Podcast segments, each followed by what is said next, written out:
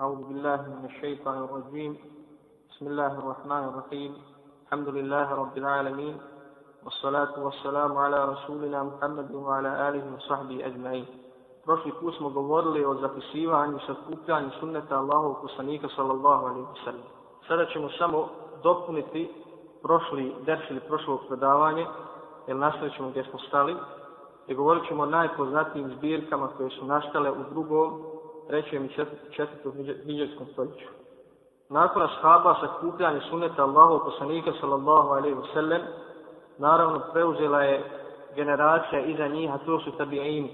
Kao i ashabi, tabi'ini su ulagali veliki trud u sakupljanju sunneta Allahu poslanika sallallahu alaihi wa sallam, učili su ga na pamet, zapisivali, ispitivali lanac prenosilaca i zapisivali ga na razne predmete. Neki od tabijina, kao i za vrijeme štaba prezirali zapisivanje hadisa baš iz onih razloga koji su postojali za vrijeme jest zbog koji su ashabi prezirali zapisivanje hadisa. Kao što je, bilo, kao što je bila bojazan da se ne pomiješa hadis u Kur'anu, kao što je bila bojazan da se ljudi ne oslone na, na hadis i zaposluje Kur'an i da se oslone na zapisivanje zaposluje svoje pamćenje. Tako kada bi nestalo tih razloga, onda su tabi'ini, jeli, dozvoljavali zapisivanje hadisa Allahu poslanika sallallahu alaihi sallam.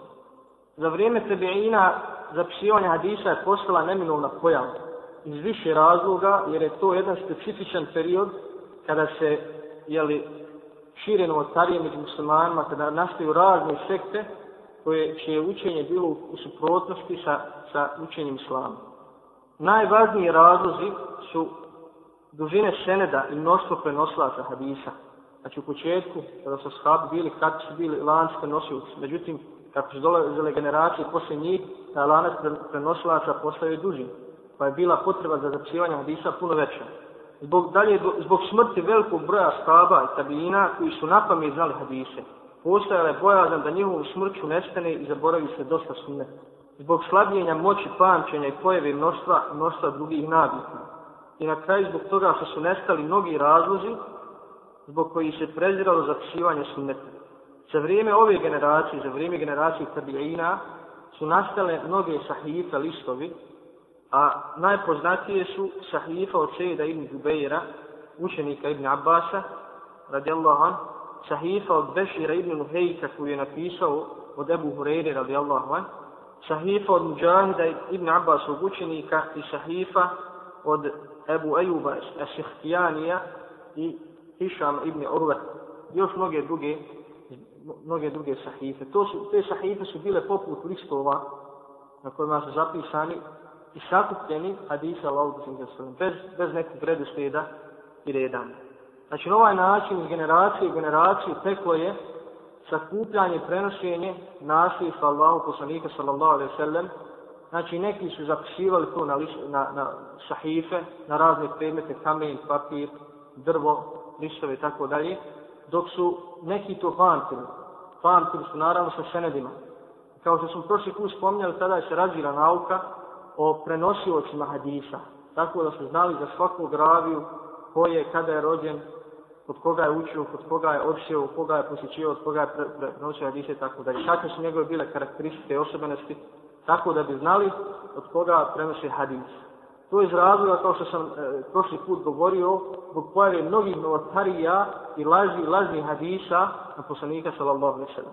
Znači ovako, ovako su stvari tekle sve drugog stoljeća, kada nastaje jedan novi period, jedan novi način sakupljanja hadisa, a to je bilo sakupljanje hadisa zajedno sa izrekama ashaba, zajedno sa fetvama tabijina. I da sumnje u prvom hijđarskom stoljeću nastaje jedna od najpoznatijih, u drugom hijđarskom stoljeću nastaje jedna od najpoznatijih hadijskih zbirki, a to je Muata od imam Malika, Malika ibn Enesa. Ukratko ćemo se upoznati sa ovom zbirkom. Autor ove zbirke je Abu Abdullah Malik ibn Enes al-Asbehi, veliki hadijski učenjak, imam Daru Hidžre, to jest Medine. Za njega Dehebi kaže, poznat islamski učenjak, imam, on je imam hafiz, fekih ovoga umeta i šehol islam. Kada govorimo o Muletau kao zbirci, ukratko ćemo se upoznati, šta u sebi sadrži ta zbirka? Koji, pa kaže da imam Malik Muetov je sakupio hadise Allahu poslanika sallallahu alaihi sallam, izreka ashaba i neke fetve tabiina. I znamo da on bio veliki znameniti islamski učenjak i on je ovu zbir sastavio stotinu hiljada hadisa koje on lično prenio i Stotinu hiljada hadisa koje lično prema. Što se tiče broja hadisa u ovoj zbirci, kaže Abu Bekr al-Ebheri, ukupan broj predaja u Muetau od poslanika sallallahu alaihi sallam, ashaba i tebiina iznosi 1720 predaja, od toga je 600 predaja sa spojenim senedom, 222 pred, mursel, predaje mursel hadisa i 613 naukuf hadisa i 285 izreka od tabina. Mjesto Mueta, mjesto ove zbirke među ostalim hadisnim zbirkama. Kaže Imam Šafija, najvjerodostojnija knjiga nakon Allahove knjige je Muwatta Imam Malik. Međutim, ono što je ispravni stav i na čemu je većina islamskih naravno hadijskih učenjaka, da je Muwatta po vjerodostojnosti da dolazi poslije Buharinog sahiha i Muslimog sahiha. I to je sljedeći razlog. Prvo, ova izreka od imama Šafi, ove riječi su izrečene prije nastanka Buharinog i Muslimovog sahiha. Prije nego što su oni sakupeni zapisani. Jer je Šafija umro od 204. godine, a sada je Buharija imao oko, oko 10 godina. Drugo, većina hadisa koji se nalaze u Etavu, zabilježeni su u sahihima, sahih Buhari i muslimu, a ostali koji, koji nema u sahihima, zabilježeni su četiri sunena, koje ćemo poslije spominjati i upoznat se sa njima. Neki učenjaci, muhadbiti, smatraju da je Muwatta šesta velika zbirka hadisa a poslije ćemo govoriti o šest velikih, jel, šest velikih zbirki hadisa. Znači, ovo je bilo zapisivanje hadisa, njegove karakteristike u drugom hijđarskom stoljeću, a u trećem hijđarskom stoljeću dolazi do jedne nove vrste zapisivanja, a to je da se ovaj period odlikuje po tome što su hadisi odvojeni od izrijeka ashaba i tabina. Znači, po ovome se karakteriše ovaj period da su hadisi sakupljani, samo hadisi u zbirkama, bez izrijeka ashaba bez fet, fetvi tabijina. Dalje ukazivalo se na stepen hadisa. U početku samo se kupljali hadisi. Nije se poznavalo da li hadis, koji je hadis sahih, koji je hasan, koji je daj, koji imao naudu hadisa, apokrifni, Dok u ovom periodu dolazi do ocjenjivanja hadisa. Tako da se ujedno uz hadis navodi njegova ocjena da li je sahih, zašto je sahih, da li je dajif, normalno, uzroči njegov, njegove slabosti. Nastaju različite vrste hadijskih bit. Najpoznatije vrste su musnedi, kao prvo musnedi, sahihi i suneni. Što se tiče musneda, to su zbirke u kojima su sakupljeni hadisi jednog ashaba na jednom mjestu. Recimo kaže Musnad, Musnad ibn Abbas. Pa sve sakupi hadise od ibn Abbas koji prenosi. Koji prenosi ibn Abbas. Musnad Abu Hurere, pa sve sakupi hadise od Abu Hurere. Musnad Aisha radijallahu anha, sakupi hadise na jednom mjestu od Aisha radijallahu anha. Naravno, u ovom periodu nastaju razne, nastaju razne zbirke hadisa, razne musnedi, a najpoznatija nama zbirka koja je najraširenija islamskom umetu, najpoznatija je musned imam Ahmeda, E, i ukratko ćemo se upoznati jel, sa njegovim musnedom. Pored musned imam Ahmeda imamo i druge musnede, kao što su musned Al-Tajarisija, musned Ebu Bekra ibn Ebi Šejbe i musned Ishaka ibn Rahavije. Što se tiče imam Ahmeda, autora musneda, njegovo ime, puno ime je Ebu Abdullah, Ahmed ibn Hanbal, Ahmed ibn Muhammed ibn Hanbal, Ad-Duhali Šeibani, rođen je 164. hijđarske godine, a umro 241. hijđarske.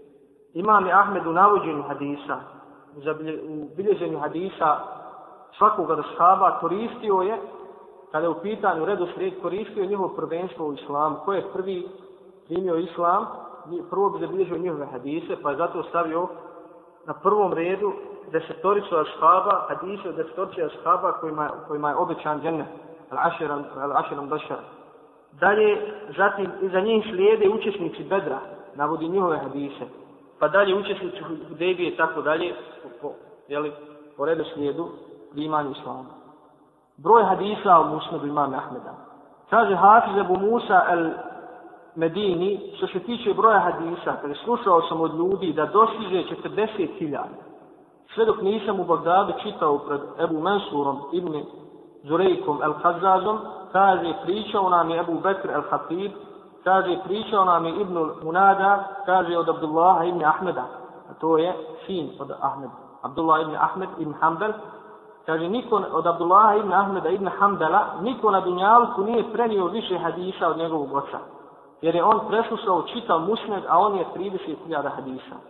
Znači, među islamskim učenjacima postoji e, neko malo razmilaženje oko broja hadisa musneda. U musnedu se spominju u hadisi više od 800 ashaba. Znači u musnedu ima Ahmeda se spominju u hadisi više od, stotinu, od 800 ashaba. Sada prelazimo na šest velikih hadijskih zbirki koje su poznate kao Kutubu Sitte.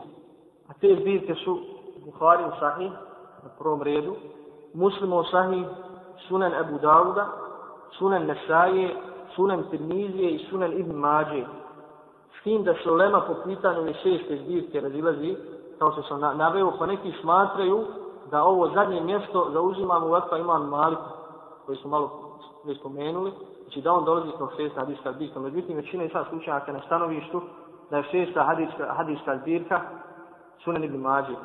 Ove zbirke su najpoznatije i najraširenije danas među muslimanima i najviše se iščitavaju i izučavaju bez sumnje na prvom redu je Sahih Bukhari, koji je svima nama poznat i koji je bez sumnje najvjerodostojnija zbirka, najvjerodostojnija zbirka, najvjerodostojnija knjiga nakon Allahu i Đelešanu knjige Kur'ana.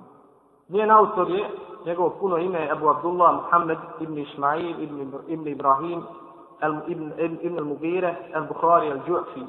Rođen je, znači imam hafiz u hadisu i autor mnogih pisanih dijela, rođene 194. hijđreske godine, a umro je 256. hijđreske godine.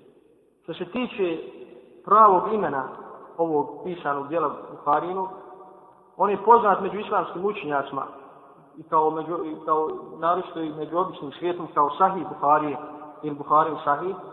Međutim, njegovo pravo ime, kako sam Buharija navodi, Al-đami ul-musadu Sahih al-Muhtasar min umuri Rasulillahi sallallahu alaihi sallam sunanihi wa jani. Dalje, postavlja se pitanje šta je poslatno Buhariju da zapiše ovu, da napiše ovu zbirku hadisa. Postoji više razloga koje navode islamski učenjaci, to ćemo i mi navesti. Prvi razlog je, kaže Hafiz ibn Hajar, nakon što je Buharija uvidio da zbirke hadisa koje su napisane prije njegovog vremena sadrže u sebi pored sahih i hasen hadisa i dajih hadise, to mu je pokrenulo želju da šakupi vjerodostojne hadise u jednu zbirku. Drugi razlog, njegov učitelj, učitelj Buharije, Ishak ibn Rahavije, koje smo spominjali, znači, spominjali smo ga da je on napisao zbirku, koja se zove Musnet, iznio je prijedlog svojim učenicima da sakupe u jednu zbirku vjerodostojne hadise Allahu poslanika sallallahu alaihi sallam. Kaže Buharija, to je našlo mjesta u mome srcu i počeo sam sa pisanjem vjerodostojne zbirke. I treći razlog, koji navodi sam Buharija i spominje, kaže, sanjao sam poslanika sallallahu alaihi sallam kao da stojim ispred njega sa lepezom u ruci i kao da, kao da ga branim od nečega. Pitao sam neke tumače snova pa su mi rekli braniš ga od nas. Kaže Buharija pa me je to posvetlo na, saku, na, saku, na sakupljanje dira. Sam Buharija kao što znamo bio veliki islamski učenjak veliki poznavalac hadisa i sunneta Allahu poslanika sallallahu alaihi sallam sve sumnje, kao sam rekao, njegova zbirka je na prvom redu najvjerodostojnija zbirka hadisa i sam, same uvjete koje postavio, sami uvjeti koje je Buharija postavio upućuju na to. Buharija postavio sebi za uvjet, sad, da će samo zabilježiti hadise, one hadise, da će prenosivati se, da će prenosivati se učenjaci slažu, da su povjerljivi, sve tako do poslanika sallallahu Pored toga, on je uslovljavao kada je u pitanju prenošenje hadisa među ravijama uslovljavao je da ravija da je se susreo, ako bilježi neki hadis, da je se susreo sa svojim šehom. Ne samo da su živjeli isto vrijeme što uslovljava muslim, nego da je se susreo sa onim od koga prenosi hadis. Zbog toga neki učenjaci kažu da je zbog toga Buharina zbirka vjerodostojnija od muslimove zbirke zbog ovog jel, uvjeta koji je Broj hadisa u Buharinu zbirci kaže Hafiz ibn Salah ukupan broj hadisa u Buharinom sahihu je 7275 sa ponovljenim hadisima, a bez ponovljenih 4000 hadisa. 7275 sa ponovljenim hadisima. Jer znamo da u mnogim e, poglavljima Buhara bi ponavljao neki hadis hodno tem ili bi dio hadisa navodio na jednom mjestu, a dio na drugom. Kaže Hafiz ibn Hajar, konačan broj neponovljenih hadisa u Buharinoj zbirci je 2602 hadisa. Posle Buharije, nema sumnje, dolazi muslimov sa, sahih. Autor ovog jel, dijela je Ebu Hussein Muslim ibn Hajjaj ibn Muslim al-Kusheri ene Saburi, rođen je 204. hijđarske godine, a umro je 1060, umro je 1061. godine. Kao što znamo, ima muslim je učenik Buharije. Ime dijela je al-Muslim sahih. Kod nas je, kao kod islamskih učenjaka, poznato kao muslimov sahih. Broj hadisa, islamski učenjaci navode, spominju da se da je muslim, ima muslim zabilježio 12.000 hadisa sa ponovljenim hadisima i 4.000 bez ponovljenih. Znači, ukratko smo se upoznali s ovim najvažnijim zbirkama sahih Buhari i sahih muslima, a pored toga ostali, ostali, ostale zbirke koje se navode kao šest velikih zbirki su suneni. A objasnit poslije što znači sunen. Na prvom redu dolazi Abu Dawud sunen, a poslije njega sunen imam, imama Nesajije, zatim sunen imama Tirmidije i sunen Ibn Mađe. Sunen je zbirka koju autor sakuplja hadise na osnovu fikskih poglava. Pa zato recimo na početku zbirke navede prvo poglavlje, odnosno knjiga o Tahare po čistoći. Pa recimo poglavlje o vodama, pa sakupi sve hadise i se biruje na tu temu. Pa poslije dolazi, jel, naravno dolazi Kitabu Salah, knjiga o namazu, pa sakupi sve hadise Naravno, po, svakom, po svakim kitabom, po svakom knjigom, postoje babovi, poglavlja, koja su vezana za određene teme. I smo svakog poglavlja, jel, sakupi hadise na tu temu. Jedan od, jedan od tih prvi dio je preveden na naš jezik, to je Tirmidin, Tirmidin sunen ili Džami sunen, preveden je na naš jezik i on, recimo, uzet ćemo to primjer, u prvom redu Tirmidija navodi poglavlja o čistoći. Kaže, bab, bez poglavlja namaz neće biti primjen bez propisane čistoće, pa navodi hadis. Ispričao nam je u Tejbe ibn Said, kaže, nama je ispričao Ebu on je prenio Šimaka ibn Harba, kaže, ispričao nam je Hennad, kaže, nama je ispričao Vatija, preniješ od Israela, on od Šimaka, pa on mus, od Musaba, ibn Sa'ada, on od ibn Omera, a on od vjerovjesnika, sallallahu alaihi sallam, da je rekao, namaz neće biti primjen bez propisne čistoće, ni će biti primjena milostinja sadaka iz nepuštene, iz nepuštene stečene imovine. Ovim znači završili prvo poglavlje iz predmeta hadisa, prešli bi na drugo poglavlje, to je nauka o terminologiji hadisa. Nauka o terminologiji hadisa ili ilmu mustalahi hadisa. U ovom poglavlju govorit ćemo o podjelama hadisa. Govorit ćemo o podjelama hadisa. Vidjet ćemo da kod hadijskih učenjaka postoje razne podjele. I ukratko ćemo jel navoditi neke primjere, da vidimo kako su hadijski učenjaci ulagali veliki napor kada u pitanju čuvanje i zaštita sunneta Allahu poslanika sallallahu alaihi sallam. Prvo ćemo govoriti o temi kojom se bavi ova hadijska nauka, to je ilmu salah hadis, znači terminologija hadisa, to je hadijska nauka koja izučava sened i metn, koja s obzirom na prihvatanje i odbijanje, izučava sened, lanac prenoslaca i metni tekst hadisa. Ova hadijska nauka ima značajno mjesto kada je u pitanju čuvanje i zaštita suneta Allahu poslanika sallallahu alaihi sallam zbog toga što je produkt ove nauke razlikovanje hadisa koji su vjerodostojni od onih koji nisu i izdvajanje hadisa jel, koji su apokrifni, koji su izmišljeni na poslanika sallallahu alaihi sallam. Prvo ćemo govoriti o podjeli hadisa s obzirom na način kako su preneseni do nas. Ili s obzirom na broj prenosilaca koji su prenijeli hadise do nas. Hadise znači s obzirom na broj prenosilaca ili s obzirom na način na koji su doprli ili došli do nas možemo podijeliti u, u dvije osnovne vrste. Prva vrsta su mutawatir hadis. Mutawatir hadis. A druga vrsta su ahad hadis. Prva vrsta su mutawatir hadis, a druga vrsta su ahad hadis. Prva vrsta mutawatir hadis, definicija njihova, to su hadisi, to je što je hadis, mutawatir hadis je onaj koji iz generacije u generaciju prenosi toliki broj prenosilaca da je isključena bilo kakva sumnja u njegovu autentičnost. Ili da ga prenosi toliki broj prenoslaca da, da ne postoji nikakva mogućnost da su se oni složili na laži. Znači da bi se jedan hadis mutevatir mogao smatrati mutevatir hadisom, mora da ispuni određene uvjete u šartovi. Prvi uvjet je treba biti prenesen od velikog broja ravija. Znači treba hadis da prenesi veliki broj ravija. Međutim, hadijski učenja se razilaze po pitanju koliki je to broj. Neki kažu 10, neki 20, neki 60, neki 70, neki 100, svakog generacija. Međutim, ono što je najstranije jeste da, da broj nije određen, nego da svaku generaciju treba biti toliki broj ili grupa ravija, tako da je nemoguće da su on dogovorili na laži. Iz kojeg razloga je nemoguće? Iz razloga što same ravije među sobom su iz, iz različitih mjesta, ovaj iz Egipta, ovaj iz, iz eh, Sama, ova ovaj iz Hidžaza, ili su različitih mezhljeva, mezhljivskih pravaca, pa znači ne postoji nikakva mogućnost da su oni sve te prepreke i razlike da, se, da su se dogovorili da slažu na Allahu poslanika sallallahu alejhi ve sellem. Prema tome motivator hadis je hadis koji nema nikakve sumnje da je to je li preneseno i da su riječi Allahu poslanika sallallahu alejhi ve sellem.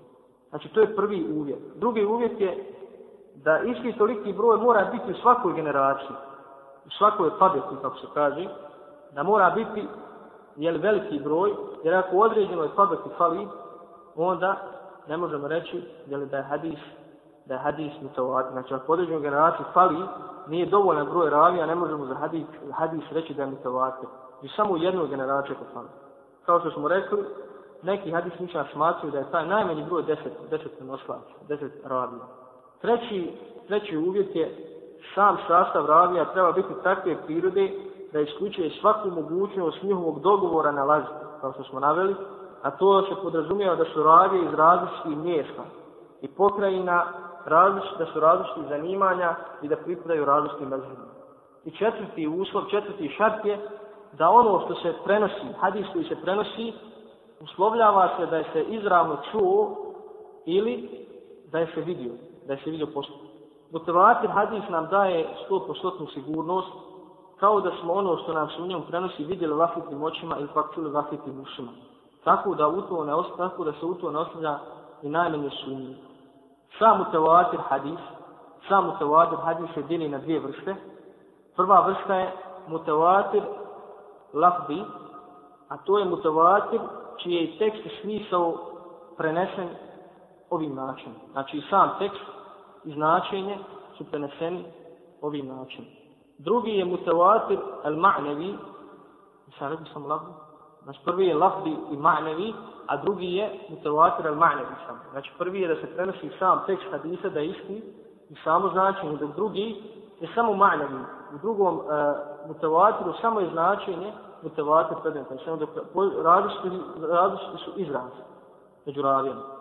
Primjer za prvu vrstu je hadis, znači primjer za mutawatir lafzi ma'nevi je hadis koji smo mi spominjali, en kerdebe alaije muta'amiden, falin tebaua maqadahu minan nar, ko na mene namjerno slaže neka pripremi sebi mjesto u džuhennemu. Ovaj hadis je prenijelo oko 70 nekoliko ashaba. Primjer za drugu vrstu hadis, mutavatir hadisa, to je hadis mutavatir ma'navi, su hadisi koji govore o podizanju ruku prilikom učenja dove. Postoji oko stotinu hadisa koji govore o ovoj temi. Znači različiti su izraz, međutim isto su značenja. Druga vrsta hadisa, s obzirom, druga vrsta hadisa su govorili ima hadisi i ahad. Znači druga vrsta hadisa su ahad hadisi. I ahad hadis je svaki hadis koji ne ispunjava uslove mutavatir hadisa. Znači ako u određenoj generaciji ne postoji dovoljan broj ravija, samo u jednoj generaciji, onda više nije hadis mutavatir, onda je ahad hadis. Sam ahad hadis se dijeli na tri vrste, a to je meshur, ahad hadis se dijeli na tri vrste, meshur, aziz i garib hadis. Mešhur hadis je onaj hadis koji iz generacije u generaciju prenosi kod trojica ili više ravija, ili koji ne dostiže rang mutavatir hadisa po broju prenosilaca. Neki hadijski učenjaci, vam jasno, znači svaku generaciju prenosi kod trojica i više, ali ne dostiže stepen mutavatir hadisa. Neki ovu vrstu mešhur hadisa ili ahad hadisa nazivaju hadis mustafir, To je, to je hadis koji je poznat. Drugi hadis, druga vrsta ahad hadisa su aziz. Hadis, aziz. Aziz hadis je onaj hadis koji u svakoj generaciji prenosi po najmanje dvojica ravija. U svakoj generaciji po najmanje dvojica ravija. Ako u jednoj generaciji fali, onda hadis nije aziz. I treća vrsta ahad hadisa su garib hadisi. I to, je, to su hadisi, to je svoj hadis koji iz generacije u generaciju prenosi po jedan ravi.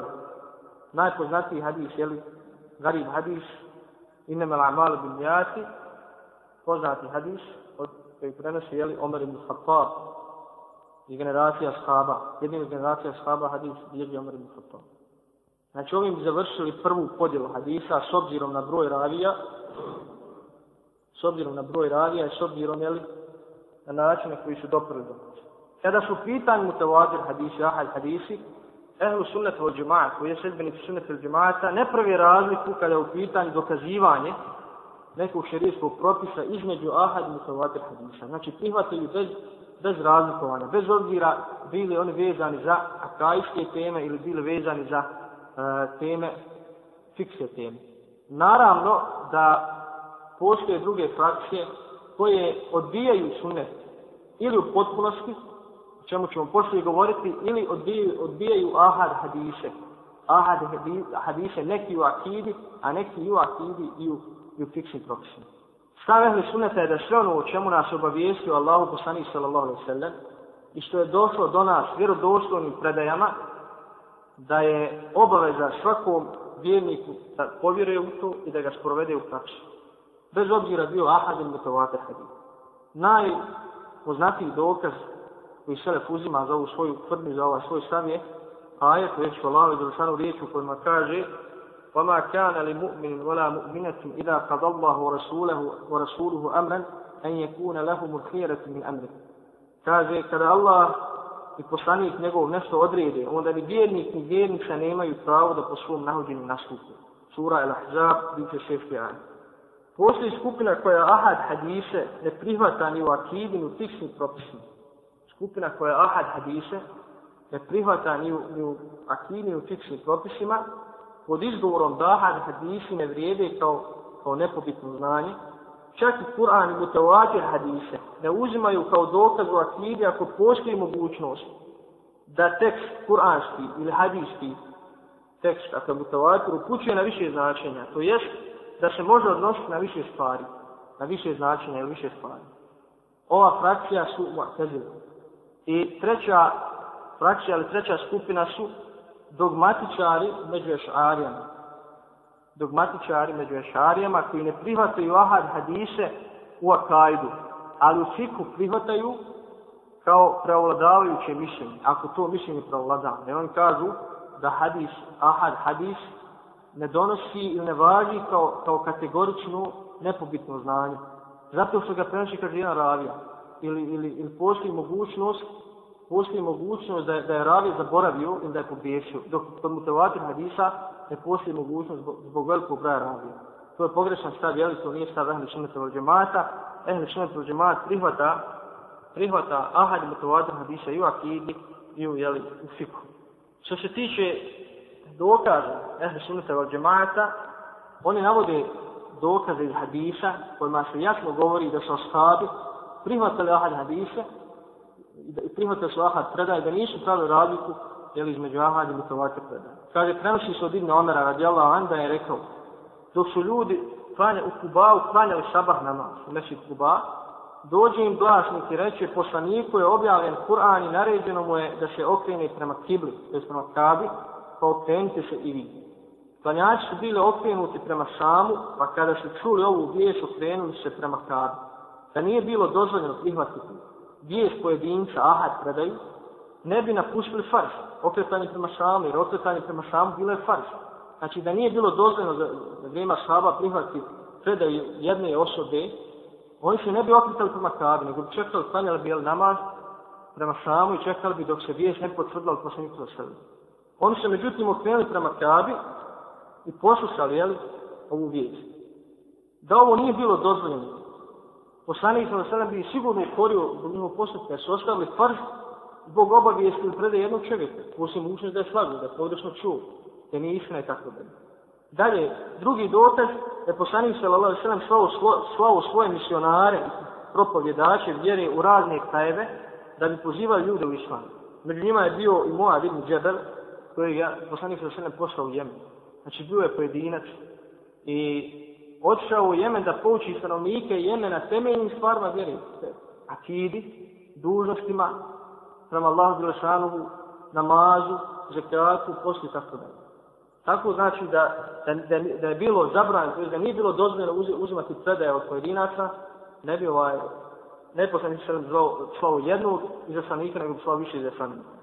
Niko od njih nije rekao od sedmenika, od stanovnika Jemena, nije rekao ti si jedini koji naš o tome obavještava i nemaš pravo da uzimaš od nas ono, kada u pitanju zekat, ono na što nas nije obavezao, sa nisam sam. Znači, moja zemlja Džebel je bio poznat, povjerljiv.